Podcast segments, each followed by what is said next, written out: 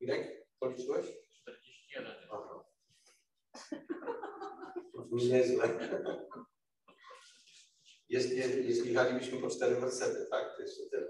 Okay. Przy tej prędkości. E, To oczywiście są takie e, przekomarzanki między wujkiem a mną. Nie przejmujcie się tym. Ja jak będę wiedział, że mam skończyć, to mam nadzieję, że będę to wiedział, żebyście wy mi nie musieli tego mówić. Weź już skończ.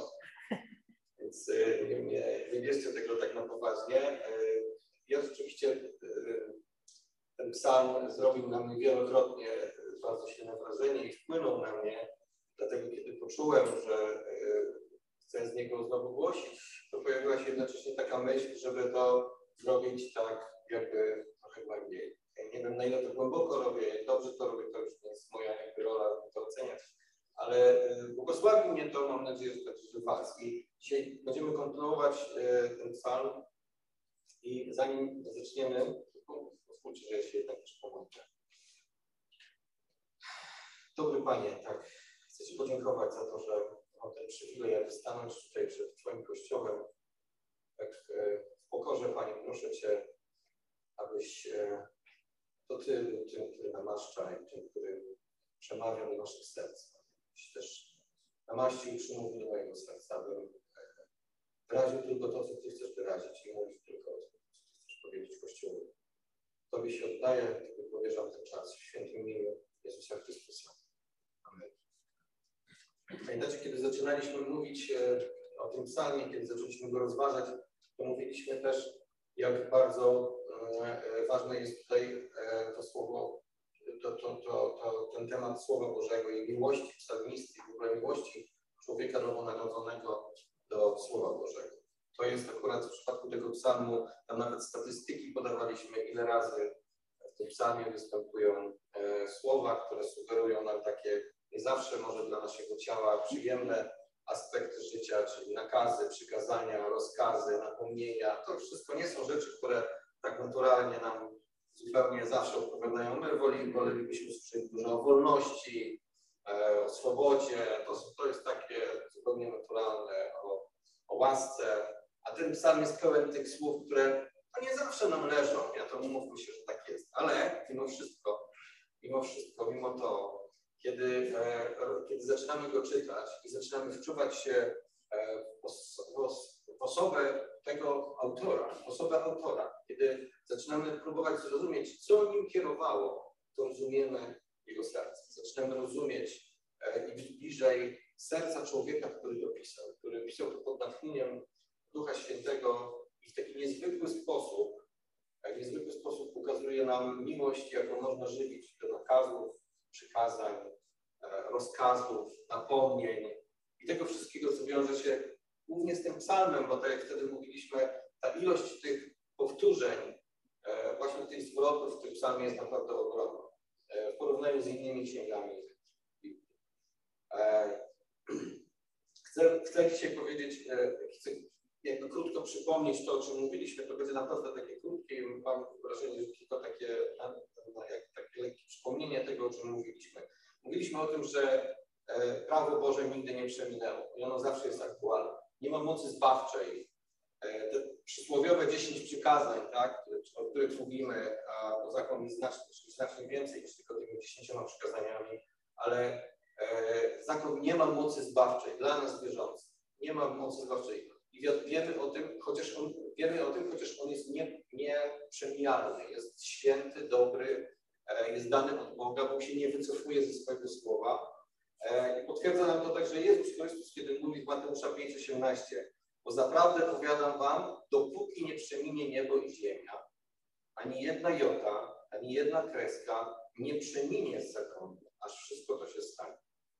I mówiliśmy o tym w kontekście takim, czym jest to słowo, które zostało posłane do Izraela, a przez Izraela do całego świata. Ono jest czymś, co tutaj w Księdze Powtórzonego Prawa tak niezwykle trafnie zostało nam określone, gdyż nie jest to dla was słowo puste. Pamiętacie, mówiliśmy o tym. Gdyż nie jest to, to jest słowa skierowane do Izraela. Nie jest to dla was słowo puste, lecz jest ono waszym życiem. Nie jest słowo takie, które można wpuścić jednym uchem i wypuścić. To słowo musi wykonać swoją pracę w naszym życiu. I miało też wykonać pracę e, w Izraelu, w życiu tamtych ludzi, w tamtych czasach. Dzisiaj to słowo jest dokładnie to samo. Jest dokładnie takie samo. Ono nie mając mocy zbawczej, ponieważ mamy zbawienie w Jezusie Chrystusie, ale jednak ma moc, aby wypracować w nas pewne rzeczy, aby wyprostować nasze ścieżki. I ma moc do tego, aby uświadomić nam także nasze błędy. I taką ma też rolę e, Słowo Boże. Wczoraj jechałem z Jasiem samochodem gdzieś tam pod Krakowem i e, jechaliśmy na jakieś rondo, no i tak wiecie, jak to teraz bywa, nie? Wszędzie reklamy. Ciekawy wyjątek, między tymi reklamami nagle, to zupełnie to było dla mnie szokujące, aż nacisnąłem hamulec. Stoi kobieta na tym plakacie, duży taki billboard i trzyma w ręku Biblię, jakieś tam wydanie i wyraźnie pisze Pismo Święte. I pod tym jest podpisane słowa, które darzą życie. I podpis tej kobiety, jej. Nie wiem, kto to był, nie zdążyłem przeczytać, ale tak naprawdę było to dla mnie tak mocno szokujące. Tu, jakiś, tu jakaś kosiarka do trawy, tu jakiś jotarka udarowa, tu jeszcze coś innego, a w środku Pismo Święte i słowa, które darzą życie. Myślałem sobie, nie no, ten, no wiem, że ten świat się stacza, ale nie jest tak źle. Ktoś jeszcze walczy. Ktoś jeszcze chce uświadomić y, ludziom, że można żyć inaczej. Że jest coś więcej niż tylko zakupy, niż tylko kolejki, niż tylko korki, niż tylko praca, niż tylko dorabianie się, budowanie domów i, e, i ten tak ogólnie pojęty materializm. Że jest coś jeszcze. I to było takie dla mnie bardzo budujące. Słowa, które darzą życie, bo to nie są słowa puste.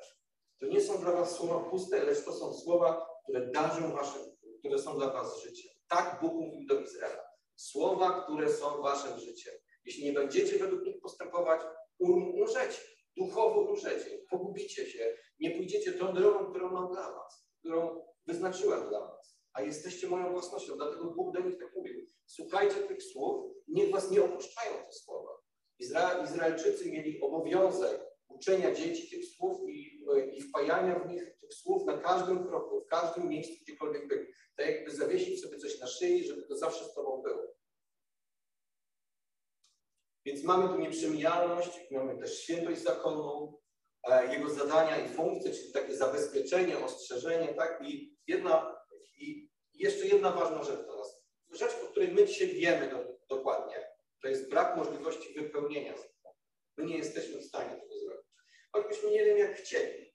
Urodziliśmy się w grzechu, z, grzech, z grzechem będziemy się borykać do końca naszych dni, w taki czy w inny sposób, bardziej lub mniej, ale święci w takim znaczeniu e, fizycznym, w takim znaczeniu, e, w takim e, standardzie e, zakon, zakona, zakonu pisma, czego nigdy nie dosięgniemy. To, to, to, był w stanie, to stanie uczynić tylko Jezus Chrystus. I On to zrobił. Nie przyszedłem znieść zakon, ale przyszedłem go wypełnić. Tak mówił do swoich uczniów. I kiedy otworzymy Rzymian 3, 20 do 28, te wersety wszyscy znamy, ale chciałbym, żeby one tutaj dzisiaj padły, bo one są ważne. One są żebyśmy mieli tą, tą świadomość. I mówimy o rzeczach, o których pewnie wszyscy wiemy dobrze, ale chciałbym, żebyśmy to dobrze dzisiaj, tak, żeby to do nas dobrze dotarło. E, Rzymian 3, 20 do 28. Dlatego z uczynków zakonu nie będzie usprawiedliwiony przed nim żaden człowiek, gdyż przez zakon jest poznanie grzechu. A więc zakon uświadomi Tobie, co jest grzechem.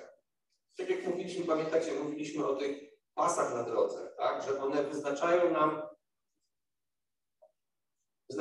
wyznaczają nam ten, ten, ten pas drogi, który możemy się bezpiecznie, w miarę bezpiecznie poruszać. Tak? Że prawdopodobnie trzymając się tej prawej i lewej strony dojedziemy bezpiecznie do celu. Każde przekroczenie tej linii będzie groziło wypadkiem, będzie groziło tym, że do domu możemy nie dojechać. I taką funkcję ma też zakon, między innymi takie zabezpieczenie nas, nie przekraczaj tej linii zbuntowany człowiek może to zrobić. Człowiek, który szuka złych przejawów wolności w swoim życiu, może to uczynić, ale to jest już wtedy zachowanie e, e, bezprawne. I za to na przykład w naszym prawodawstwie grozi Marta. E, I zakon ma dać nam poznanie grzechu. I czytamy dalej tak. Ale teraz, niezależnie od zakonu, objawiona została sprawiedliwość Boża, o której świadczą zakon i prorocy, I to sprawiedliwość Boża przez wiarę w Jezusa Chrystusa dla wszystkich wierzących. Nie ma bowiem różnicy, gdyż wszyscy zgrzeszyli. I to jest to, co mówiliśmy na samym początku, tak? Że my no, dotrzemy do nieba jako usprawiedliwieni grzesznicy. Ale ten przydomek grzesznicy nigdy z nas nie zostanie zdjęty, bo jesteśmy obmyci krwią Jezusa Chrystusa, ukryci w Nim, ale tutaj na tym świecie, do końca naszych dni, gdzieś tam z jakimś grzechem będziemy się zmagać. Gdyby nie Jezus Chrystus, stanęlibyśmy przed Bogiem i czekało nas potępienie. Gdyby nie to, co uczynił Jezus Chrystus na krzyżu, gdyby nie to, że zmartwychwstał, gdyby nie to, że usprawiedliwił nas, gdyby nie to, że ten, który jest usprawiedliwym i usprawiedliwiającym, wziął nas w swoje posiadanie, to nie dalibyśmy rady przed Bogiem się ostać. Nie ma na to żadnej szansy. I o tym mówi nam Biblia i też, też mówi nam o tym nasze życie, tak? Życie, które widzimy naokoło. To nie jest, e, nie żyjemy w świecie doskonałym, my nie jesteśmy doskonali, ten świat nie dąży do świętości e, i tak jak mnie zdziwiła bardzo mocno ta, ten billboard, na którym była e, ta kobieta z tym Pismem Świętym, tak, to jest po prostu rzecz zupełnie wyjątkowa, absolutnie wyjątkowa. To nie jest standard, tak, że wszędzie widzimy, e, wszędzie widzimy billboardy, które nawołują ludzi do czytania Pisma Świętego. Wyobrażacie sobie coś takiego w tym świecie? No to jest, to byłaby taka, można powiedzieć na dzień dzisiejszy taka dosyć mocna anomalia, tak? Chociaż nam może by się to podobało, ale no tak nie jest i prawdopodobnie nigdy tak nie będzie. Nie ma bowiem różnicy, gdyż wszyscy zgrzeszyli i brak im chwały Bożej i są usprawiedliwieni darmo z łaski Jego przez odkupienie w Chrystusie Jezusie, którego Bóg ustanowił jako ofiarę przebłaganą przez krew Jego, skuteczną przez wiarę, dla okazania sprawiedliwości swojej przez to, że w cierpliwości Bożej pobłażliwie odniósł się do przedtem popełnionych grzechów, dla okazania sprawiedliwości swojej w teraźniejszym czasie, aby On sam był sprawiedliwym i usprawiedliwiającym tego, który wierzy w Jezusa. Jezusa. Gdzie więc kluba Twoja wykluczona? Przez jaki zakon uczynków? Bynajmniej, lecz przez zakon wiary. Uważamy bowiem, że człowiek bywa usprawiedliwiony przez wiarę, niezależnie od uczynków zakonu. I jeszcze jedna funkcja zakonu, Galacjan 3,24. Tak więc zakon był naszym przewodnikiem do Chrystusa, abyśmy z wiary zostali usprawiedliwieni. Dlaczego jesteś dzisiaj sprawiedliwy? Dlaczego jesteś dzisiaj święty? Dlaczego Paweł zwraca się do Korynti, Kory, Koryntczyk, jak Koryntian, Koryntian, Koryntian święci, chociaż wcale święci nie byli, dokładnie wiemy, jakie ten kościół, ten kościół miał problemy. Dlaczego Paweł to robi? Dlaczego dzisiaj o sobie mówi, możemy mówić, że jesteśmy obywatelami nieba, że jesteśmy dziećmi Bożymi, że jesteśmy usprawiedliwieni, że jesteśmy czyści? Mówimy to o sobie. Mówimy to przez wiarę, ale wiemy, że to jest prawda. Tak, bo tak jak Piotr powiedział, zostaliśmy poświęceni w prawdzie. Ta prawda w nas jest. Jezus Chrystus zamieszkał w naszych sercach i to, co mówimy, to jest świadectwo czegoś, co autentycznie wydarzyło się w naszym sercu. Słowo Boże zagościło i wszystko się zmieniło. O, o, o 180 stopni. Wiecie, kiedy ja się nawróciłem, kiedy przeczytałem Jana 3,16 i wiele, wiele później innych wersetów, to tak zamieszało w mojej głowie, że chodziłem po ulicach mojego rodzinnego miasta i nie wiedziałem, czy iść do kościoła, czy do lekarza. Nie wiedziałem, co wybrać, bo w mojej głowie kłębiły się myśli. Z jednej strony czytałem Biblię, cytowałem Biblię, a z drugiej narzucała mi się stara natura, która mówiła, co się z tobą stało. Gdyby nie to, że Bóg pozwolił mi spotkać kogoś, kto mi to szybko wytłumaczył i po prostu powiedział, chłopie, ty się po prostu nawróciłeś, to nie wiem, co bym zrobił, tak? bo nie wiedziałem, co się ze mną stało. Biblia miała tak ogromny wpływ nagle, taki niespotykany sposób, nagle zagościła w moim sercu i wywróciła wszystko na lewą stronę. Okazało się, że Bóg nie jest taki, jak ja myślałem. Że Bóg jest zupełnie inny, że Bóg jest dobry, że uczynił coś dla mnie. I to Słowo Boże o tym powiedziało. Oczywiście byli gdzieś tam ludzie, którzy mi coś sugerowali, coś mówili, ale to jest, tak ja wierzę w to, ja wierzę w to gorąco, że kiedyś pojawiła się w moim ręku Biblia z Bożej woli, z Bożego jakby inspiracji. I to, że akurat przeczytałem ten werset, że on stał się dla mnie tak niezwykle ważny, że tak wywrócił do góry nogami moje całe życie. To jest Jego łaska. To, że zostałem usprawiedliwiony, To okazało się dopiero później, ja o tym nie wiedziałem. Ale ta pierwsza, pierwsza miłość, ten pierwszy dotyk Bo, Bo, Boży, który tak bardzo wpłynął na mnie, był niezwykłym doświadczeniem.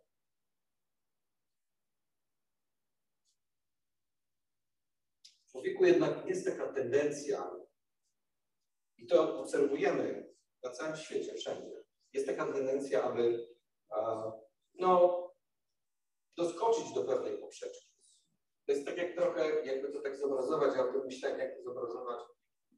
To jest troszkę tak, jakby próbować stanąć, stanąć przed dużą górą i obliczyć koszty. Drogowcy wtedy albo inżynierowie obliczają.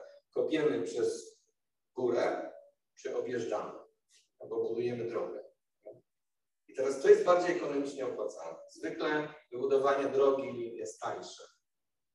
E, może się nadrobi kilka kilometrów, ale e, jednak tunel to jest duże przedsięwzięcie inżynieryjne.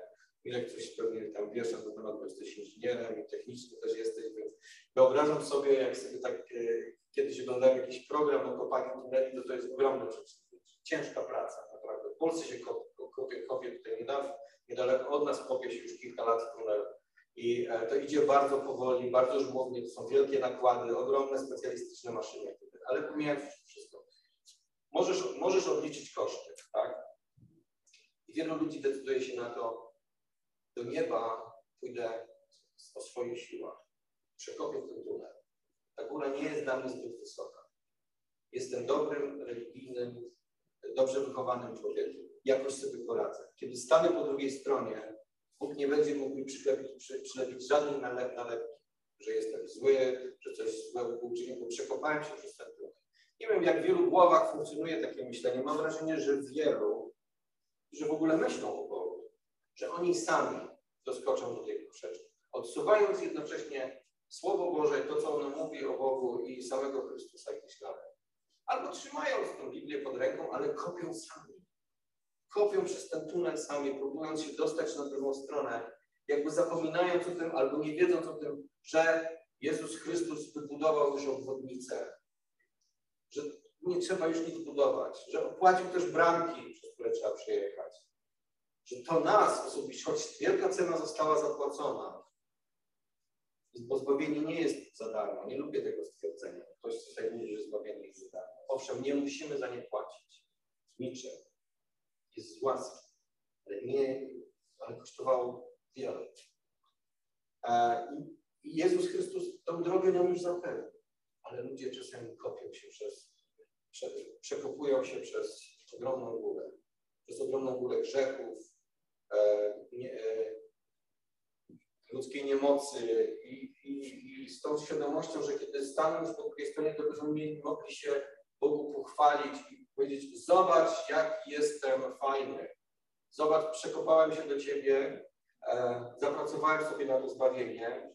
E, możesz mnie teraz wynagrodzić. Porównaj mnie do tych, którym się nie udało. To jest pycha. To jest po prostu ludzka pycha. E, I Bóg przeciwstawia się ludziom pysznym. Nie można podeptać ofiary Jezusa Chrystusa i przekopać się przez ten tunel, podczas kiedy jest gotowa droga, którą mi wyznaczył Jezus.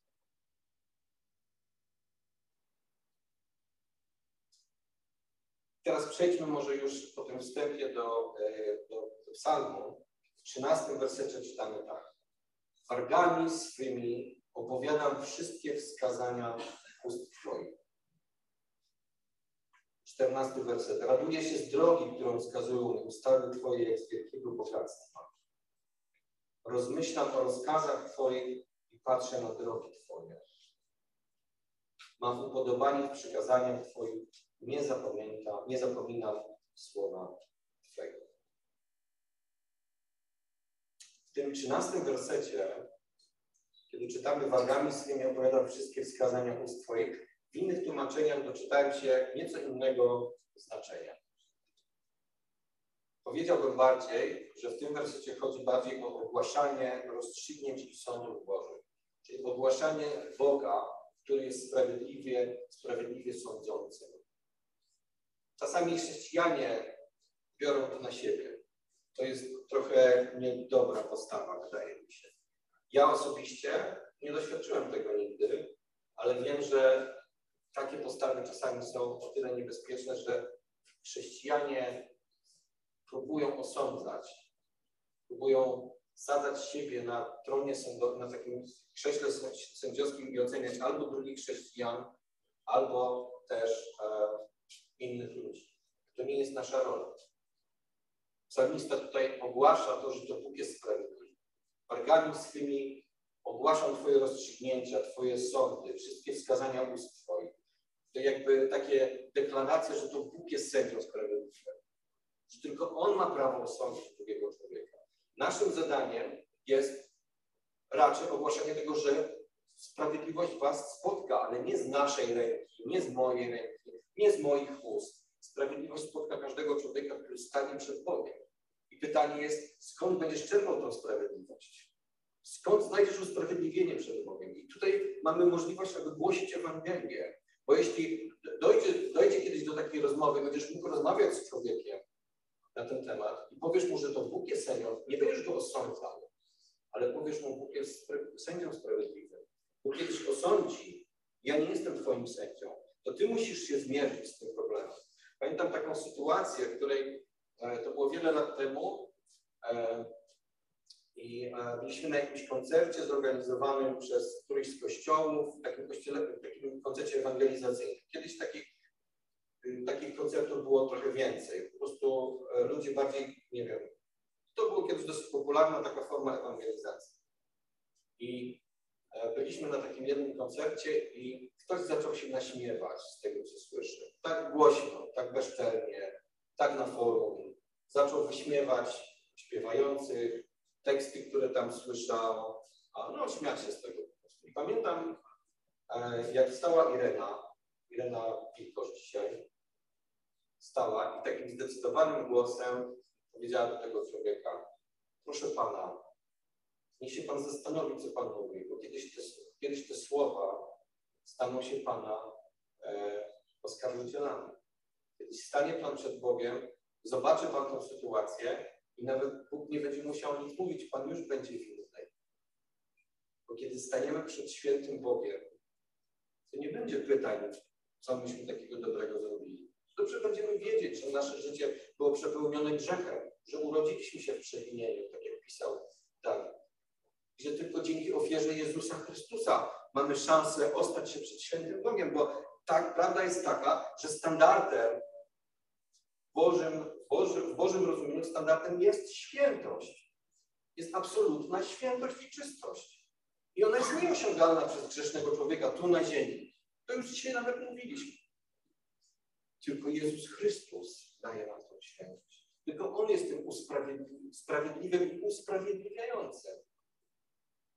I stąd czerpiemy naszą świętość, nasze poczucie świętości. Dlatego Koryntianie mogli usłyszeć od Pawła, święci w Koryncie, bracia, siostry, święci, usprawiedliwieni. To stąd jest to źródło, znikąd indziej. Jeśli ktoś mówi, że może być świętym, dobrym, doskonałym, stanąć przed Bogiem bez tej świadomości, że Jezus Chrystus okrył go, obmył go, jest bardzo wielki błędzie. Podobało mi się to wtedy na tym koncercie, jak Irena tak zdecydowanie wstała i powiedziała, niech się Pan zastanowi nad swoimi słowami. Bo te słowa kiedyś staną się Pana oskarżycielem. No i faceta zatkało. Też, ale zatkało. To był koniec, to był koniec jego występu. Mogliśmy dalej kontynuować. Ja to pamiętam, bo mnie zamurowało. Ja wtedy byłem młodym takim chrześcijaninem, nie wiem, może byłem rok, może pół roku e, tutaj w Krakowie i e, no, zaczynałem swoją drogę. Jakby nie spotkałem się nigdy wcześniej z taką reakcją. A tu nagle gość wyskakuje i rzuca tam jakimiś tekstami e, niefajnymi. I ta, i, ta, I ta zdecydowana postawa Gina nie była dla mnie tak zbudowana.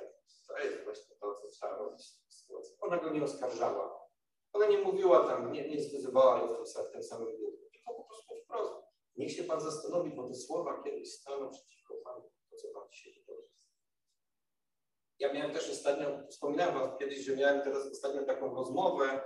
E, dawny znajomy mojej mamy zadzwonił, poprosił, żebym ja do niego zadzwonił, bo chciał ze mną porozmawiać. Dowiedział się o mnie, kim jestem. Zadzwoniłem do niego i mieliśmy taką rozmowę, trudną rozmowę, bo on jest takim agnostykiem, jak się okazało. A takie szkiełko i oko, jak czegoś nie widzę, to tego nie ma, jak czegoś nie mogę dotknąć, zmierzyć, zważyć, naukowo, naukowo udowodnić, to nie ma w ogóle czym mówić. Tak bardzo skrótowo mówiąc.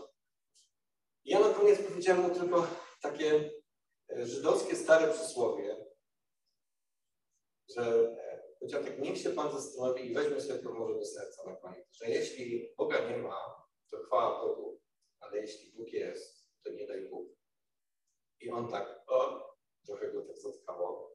No bo już nie wiedziałem, jak z nim rozmawiać, bo tak naprawdę no, żadne argumenty do człowieka jakby takiego tego pokroju, który ma takie przekonanie, tak nie, nie docierają. Więc użyłem czegoś takiego, ale widziałem, że to zrobiło na nim takie, takie wrażenie. Czasami trzeba uciec także do takich, do takich, e, do takich e, sytuacji. E, my nie jesteśmy od tego, żeby straszyć Bogiem, czy wysyłać kogoś na sąd. To jeszcze raz powtórzę. Naszym zadaniem jest głosić Ewangelię, głosić to, że Bóg jest dobry, bo to jest, to, to jest szansa, że grzeszny człowiek, który ma fałszywy obraz Boga w swoim sercu, usłyszy, jaka jest prawda. A jeśli my, poświęceni w prawdzie, będziemy milczeć, e, nie, nie, nie wstaniemy jak Irena Wilkosz, nie pamiętam jak Irena miała Jak? Kajfosz. Jak Irena Kajfosz wtedy wstała i takim zdecydowanym głosem uciszyła człowieka, nie potępiając go, nie, nie posyłając go do piekła, e, nie bijąc go pignią po głowie, tylko po prostu ostrzegła go. Uważaj, co mówisz, człowiek. Uważaj, bo, bo jeśli Bóg jest, to nie daj Bóg, abyś w takim stanie stanął przed. Więc lepiej się nawróć. To jest nasze zadanie. Więc wargami swymi opowiadam Jego sprawiedliwość. Wargami swymi mówię o Jego sprawiedliwości, bo On jest sędzią sprawiedliwym. Czemu psalmista chce opowiadać? Czemu psalmista mówi o tym? E, w naszym życiu pojawiło się coś niezwykłego. W naszym życiu, w naszym życiu, jak wierzę, wszystkich tutaj e, to słowo nowonarodzenie, czy też nawrócenie, czyli grecka, grecka metanoja. To jest to, co wydarzyło się w naszym życiu. Ta metanoja, która zmienia sposób myślenia, zmienia sposób patrzenia na życie, sposób patrzenia na życie, na Boga, na drugiego człowieka, na moją przyszłość, na niebo. Metanoja. To niezwykłe słowo, czytamy w kilku miejscach w Biblii, innymi Mateusza 3, Łukasza 5, upamiętanie, żal za grzechy, zmiana myślenia. To te wszystkie słowa oznaczają metanoję i to oznacza, że coś się w naszej głowie przestawiło. W takim pozytywnym znaczeniu, w takim upamiętaniu, w takim odwróceniu się od tamtej drogi na rzecz pójścia w drugą stronę. Kiedyś pamiętam Jarek Schneider, część z Was może go zna, y, miał takie kazanie i powiedział coś takiego, że jeśli świat idzie w jedną stronę, to Kościół powinien rozważyć, czy nie powinien iść dokładnie w drugą. I trochę tak jest w naszym, w naszym, e, w naszym życiu, że jeśli jakieś tam trendy światowe e, idą w jakąś stronę, to trzeba się zastanowić, czy nasza droga nie jest dokładnie w drugą. Ja nie mówię tutaj o jakimś takim radykalnym, takim systemowym, a oni mówią, myślą tak, my musimy myśleć. Nie? wszystko jest, e, nie wszystko należy wrzucać do kosza.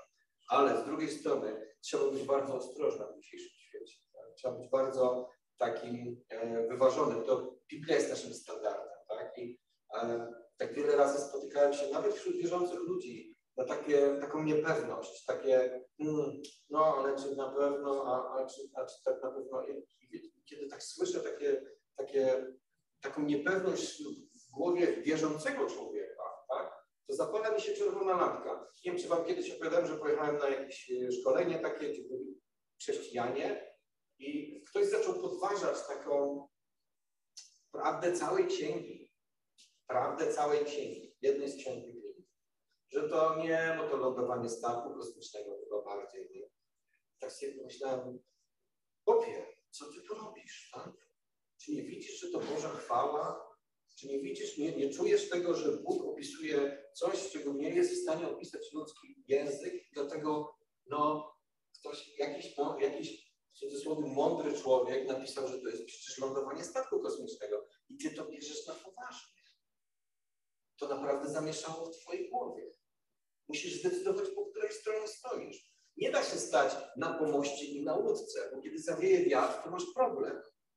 Musisz zdecydować, czy zostajesz na pomoście, czy wchodzisz na łódź.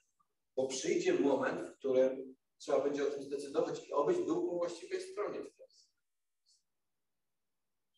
Więc ta metanoja daje nam to, to nawrócenie, ten moment, w którym Bóg zaczyna wypracowywać nowy umysł, nowe życie, nową naturę w Twoim, e, w twoim ego. To jest niezwykły, niezwykły przywilej. Pomyślcie, jak na przestrzeni wieków, e, czy nawet w naszym kraju, jak wielu ludzi doświadczyło metanoi, takiego prawdziwego, świadomego nawrócenia.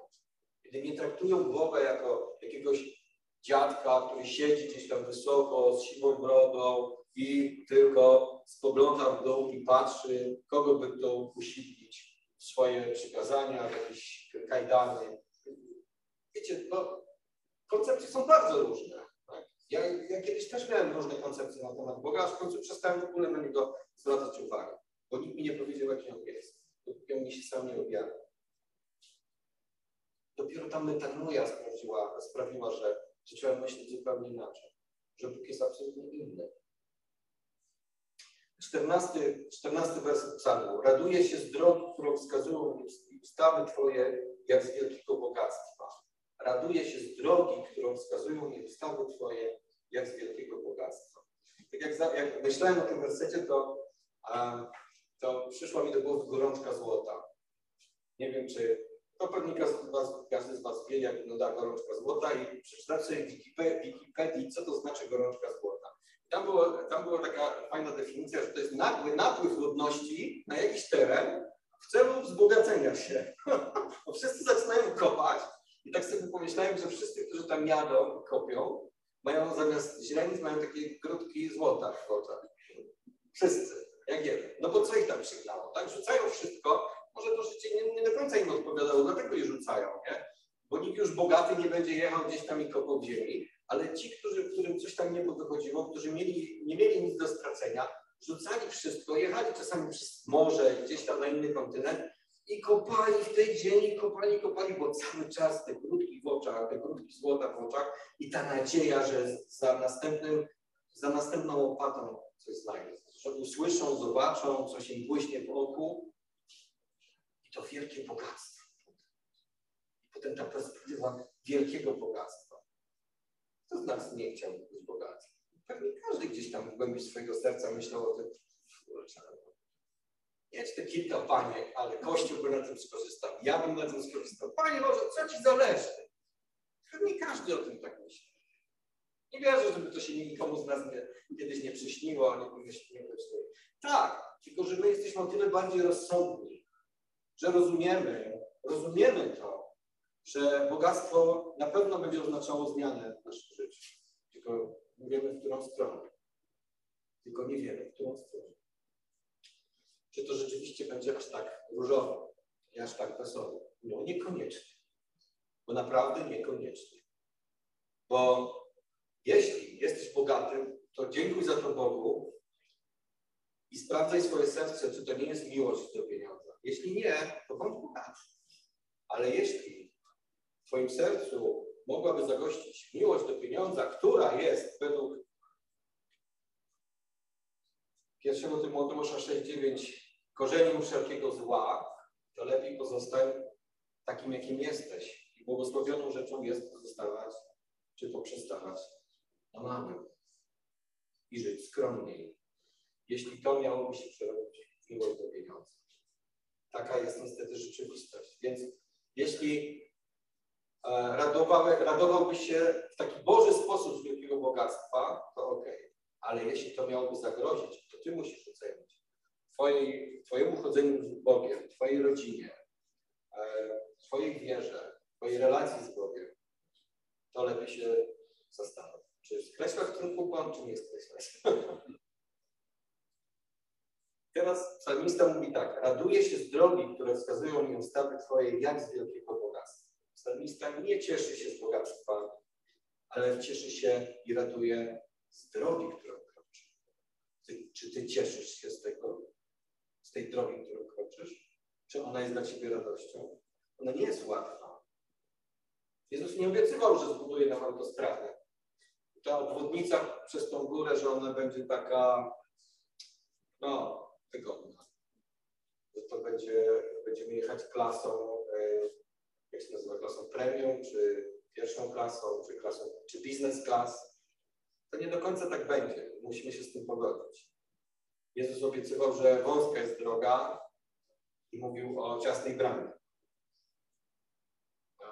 I w liście Piotra czytamy o tym, że będą nas spotykać, żebyśmy się tego nie, żebyśmy się nie zdziwili, kiedy spotykają nas rzeczy, które nas palą, które są jak ogień, które nas doświadczają. I takie rzeczy też się mogą przydarzyć. Nawet można powiedzieć z, dużym, dużą dozą prawdopodobieństwa, że się przydarzy. Ale czy warto? Warto. Zdecydowanie warto. Pozyskujemy jakość życia, jaka jest niedostępna w świecie bez Jezusa Chrystusa. Jakość życia i jakość przechodzenia przez problemy, przez różnego rodzaju problemy, jaka nie jest dostępna dla ludzi z tak zwanego świata, czyli spoza kręgu ludzi świadomie nawróconych wierzących. To jest nieporównywalne. To jest nie, nie ma tutaj a, żadnego porównania. Oczywiście, że można mieć psychoterapeutę, psychologa, można mieć doradców, można mieć pełne konto, ale psychiki nikt nie zmieni poza Jezusem Chrystusem. Poza tą metanoją, która naprawdę zmienia bardzo wiele, a właściwie wszystko w ludzkim życiu. Zmienia priorytety, zmienia wartości, cele.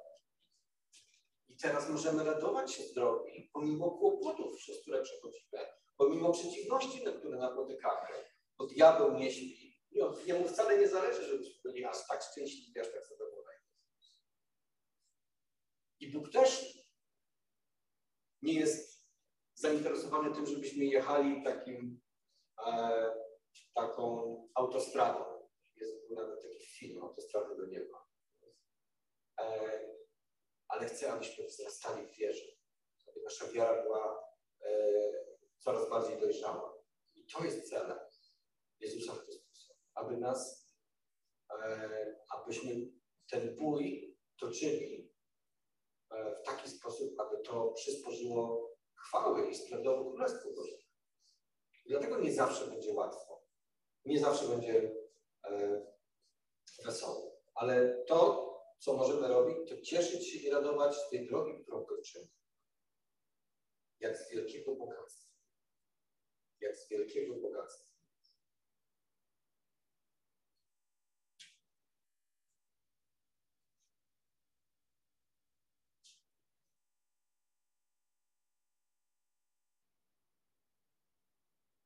Piętnasty werset mówi tak.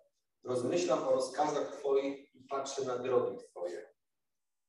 Jest wielka siła i wielki pożytek z takiego, takiego indywidualnego, bo ja to tak odbieram, z takiego indywidualnego zagłębiania się w Słowo Boże. W myśli, które, których nadawcą jest Bóg. Nie wiem, czy macie coś takiego, e, ale takie, ja nie mówię o jakichś takich e, spotkaniach biblijnych, gdzie wspólnie, ro, wspólnie rozważamy Słowo Boże. Nie mówię o takich rzeczach. Mówię o takim indywidualnym, naprawdę takim osobistym, takim intymnym spotkaniu ze Słowem Bożym w Twoim sercu.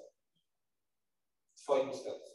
Ja takie pierwsze spotkanie, to już Wam się wspominałem, przeżyłem tam w latach 90., kiedy nawróciłem się, kiedy Bóg wywrócił wszystko e, do góry nogami i to z tego Jana 16 i potem inne wersety, ale później pamiętam, że przez lata i to trwa na szczęście do dzisiaj, czasami Bóg daje mi takie, takie chwile, w których te, taki werset potrafi tak drążyć moją, drżą, drążyć moją głowę, tak, tak być taki wręcz nachalny. To mi się bardzo podoba. Ja bardzo, bardzo lubię takie momenty, w którym Bóg daje mi coś z Biblii i ja czasami, czasami mogę to nawet powtarzać jak mantrę, ale mam wrażenie, jak takie, tak w kółko i w kółko, to bym to cytował, cytował, ale mam wrażenie, że to jest dobre. Nie wiem dlaczego, to jest moje indywidualne, ja nie mówię, że to jest jakiś startup, ale ja tak mam czasami, że jeśli jakiś werset tak mocno mnie dotknie, to on potem zostaje. I on jak, tak jakby wypracowywał coś w moim, moim, moim myśle, coś w moim sercu. Bardzo to cenię sobie. Taką, tak, bardzo lubię takie sytuacje, kiedy Bóg w taki e, szczególny sposób, jednym czy dwoma wersetami, coś we mnie wypracował. Gdzieś tam się pojawia takie coś i taki w cudzysłowie drąży, drąży. I tutaj, tutaj czytamy, rozmyślam o rozkazach Twoich i patrzę na Twoje drogi. Tutaj chodzi o takie osobiste przeżycia z Bogiem oparte na Jego słowie.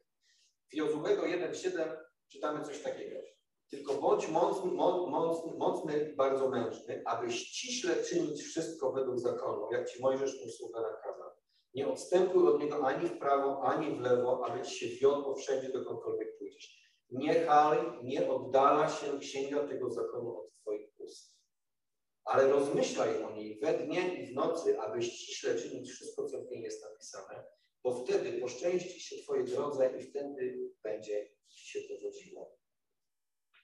To są słowa skierowane do Jozłego, do nowego przywódcy Izraela. I tu jest nacisk na Słowo Boże. Tylko bądź mężny, bądź odważny, aby ściśle, w jakim celu? Aby ściśle wykonywać moje Słowo. Aby ono nie oddalało się od Twojego serca. Aby przygnęło do Twojego serca. Abyś zawiązał je sobie na szyi. Abyś przekazywał to Słowo dalej. Aby ono wypracowywało i robiło swoją pracę nie tylko w Tobie, ale też w tych, z którymi masz kontakt. Bo ono nie jest puste, ale jest Waszym życiem. Bo wtedy poszczęści się Twojej drodze i wtedy będzie Ci się powodziło. To jest nakaz powiązany z obietnicą. Jeśli będziesz to robił, będą tego konsekwencje. Jeśli, twoje słowo, jeśli moje słowo będzie w Tobie żywe, będzie pracowało, to będzie Ci się powodziło. Będziesz Jozue dobrym przywódcą. Poprowadzisz mój lud tam, gdzie ja go chcę prowadzić. To będzie udana misja. Tylko pamiętaj o moim słowie i wykonuj je ściśle według tego, co jest napisane. Nie odstępuj ani w prawo, ani w lewo. Taki jest charakter Bożego Słowa. Wiecie, jak kiedyś pamiętam, tak przeczytałem sobie dokładnie te wszystkie nakazy, zalecenia, e, które Bóg przekazał w sprawie budowy arki. Nie wiem, czy to kiedyś, czy pamiętacie, czy czytaliście to kiedyś tak dogłębnie, tak werset po wersecie. Bóg zajął się w tym opisie, w tych nakazach, w tych, wszystkim, dosłownie wszystkim. Haczyki w takiej wielkości, z takiego materiału, tak pomalowane, zwrócone w tą stronę. Przez te haczyki ma przejść takiej grubości, e, taki, jak to się, taki kij, taki kij, jak to miało nazwę, taka tyczka, na której miała być ta arka. I to wszystko było tak precyzyjne. Tak bardzo precyzyjne, jak Słowo Boże. I oni wszystko musieli wykonać dokładnie w ten sposób. Bo to była idea, była myśl od Boga. To nie była myśl człowieka. To nie człowiek, człowiek nie mógł tego zmienić, nie mógł tego wymyślić. To, to była myśl od Boga przekazana po to, aby dokładnie w ten sposób to zrobić. Nie w żaden inny. Dokładnie w ten sposób. I tutaj też czytamy, nie odstępuj ani w prawo, ani w lewo, bo to jest gwarantem tego, że będzie Ci się powodziło i że będzie się powodziło Twojemu ludowi, którego jesteś przywódcą.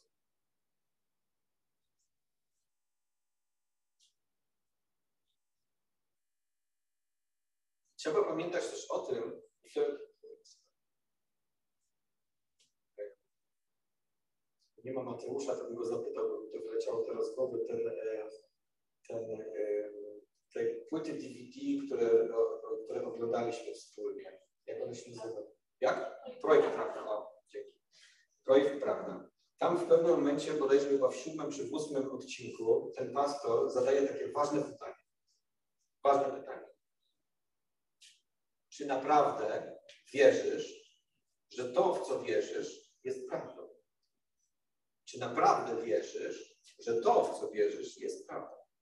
Bo jeśli tak jest, jeśli wprowadzasz to w życie, jeśli rzeczywiście w to wierzysz, to się przekłada na Twoją codzienność, to napotkasz w swoim życiu opór.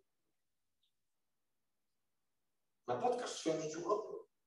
Bo prawda w tym świecie nie jest ani popularna, ani potrzebna światłu. I ma wroga, śmiertelnego wroga. I my dzisiaj, poświęceni w prawdzie, mamy też wroga Więc jeśli naprawdę wierzysz, że to, w co wierzysz, jest prawdą, będziesz napotykał w swoim życiu wątpliwości. Różnego rodzaju. Ale trzeba się z tym też pogodzić, że tak może być. Więc aby chodzić Jego ścieżkami i strzec Jego słowa i być człowiekiem zbawionym, świadomie wierzącym i dawać temu świadectwo, naprawdę, wierzcie mi, jesteście bohaterami. Jesteście bohaterami. To może się wydawać takim sloganem, ale kiedy tak myślę sobie o tej duchowej perspektywie, jak patrzą na nas aniołowie, jak patrzy na nas duchowa, e, duchowa rzeczywistość, to myślę sobie, to nie jest normalne. To, to jest po prostu, to jest coś niezwykłego, bo wiecie, ja spotkałem się z różnymi rodzajami reakcji na to, że ja na przykład wierzę w Boga w taki, a nie inny sposób, że wierzę w Biblię. I e, no różnie z tym bywało. Czasami był śmiech, czasami była pogarda, czasami różnego rodzaju reakcji można, można doświadczyć. Ale trzeba przyznać, że wierzymy w kogoś, kogo nie widać, kogo nie można dotknąć, kogo nie można poczuć. Nie można sprawdzić, czy Bóg jest. Jesteś, żyjemy w takim obszarze wiary. Nie można jej zmierzyć. Dla ludzi, dla ludzi niewierzących to jest coś abstrakcyjnego. I możemy być postrzegani jako e, no, tacy trochę inni, z których się można uśmiechnąć. I my się musimy z tym pogodzić. Czasami tak może być, że możemy być tak potraktowani. To nie jest łatwa droga. Dlatego mówię o nas, jesteście bohaterami. Dla aniołów, dla stworzeń, którzy, które żyją w świecie duchowym, to naprawdę ja wierzę w to, swego rodzaju bohaterstwo, takie bohaterstwo z łaski Bożej, że zostaliście powołani i odpowiedzieliśmy na to e, wyzwanie i że poszliśmy tę drogę.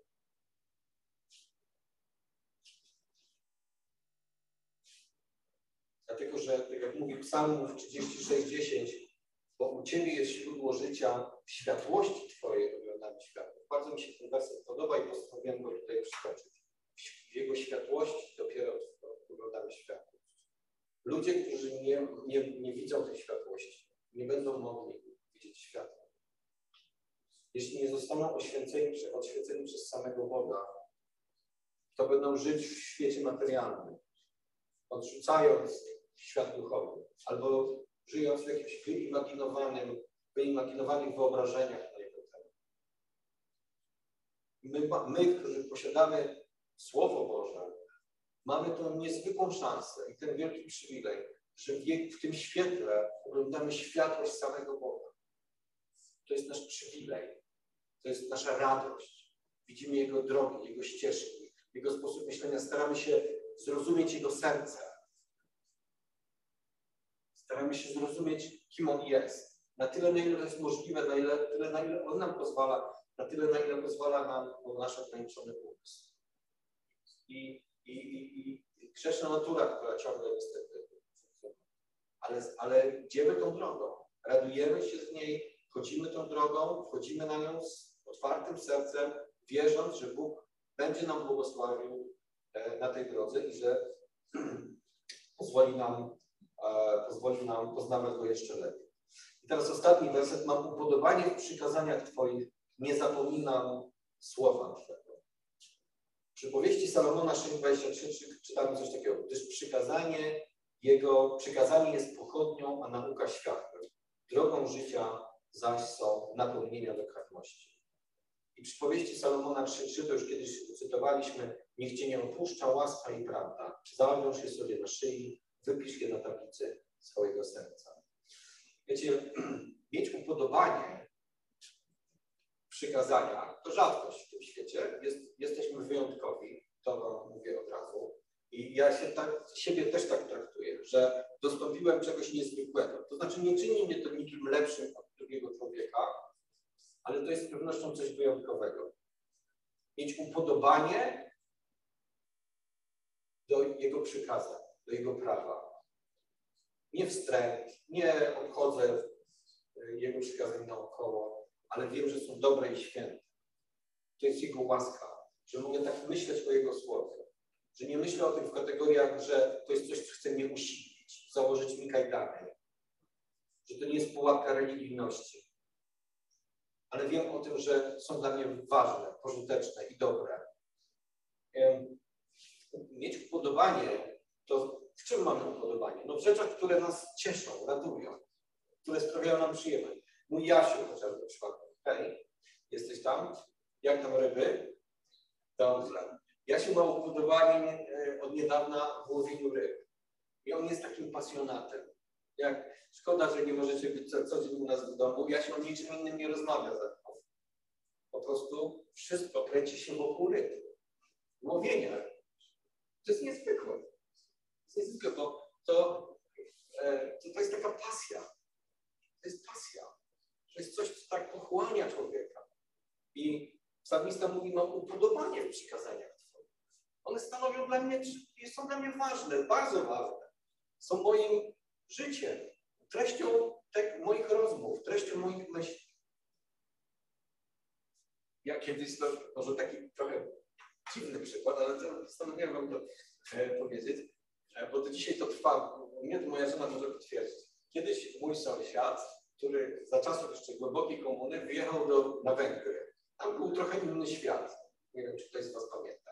Tam ludzie mieli gumy normalnie w sklepach, takie Donaldowy pachnące, u nas były tylko polkiem i lolkiem i do tego jeszcze nie pachniały i były takie szarogóre. A tam już były gumy Donaldowe normalnie dostępne. No ale to jest tylko taki, żeby Wam pokazać. Pomarańcze mieli też w sklepach, u nas tak nie było.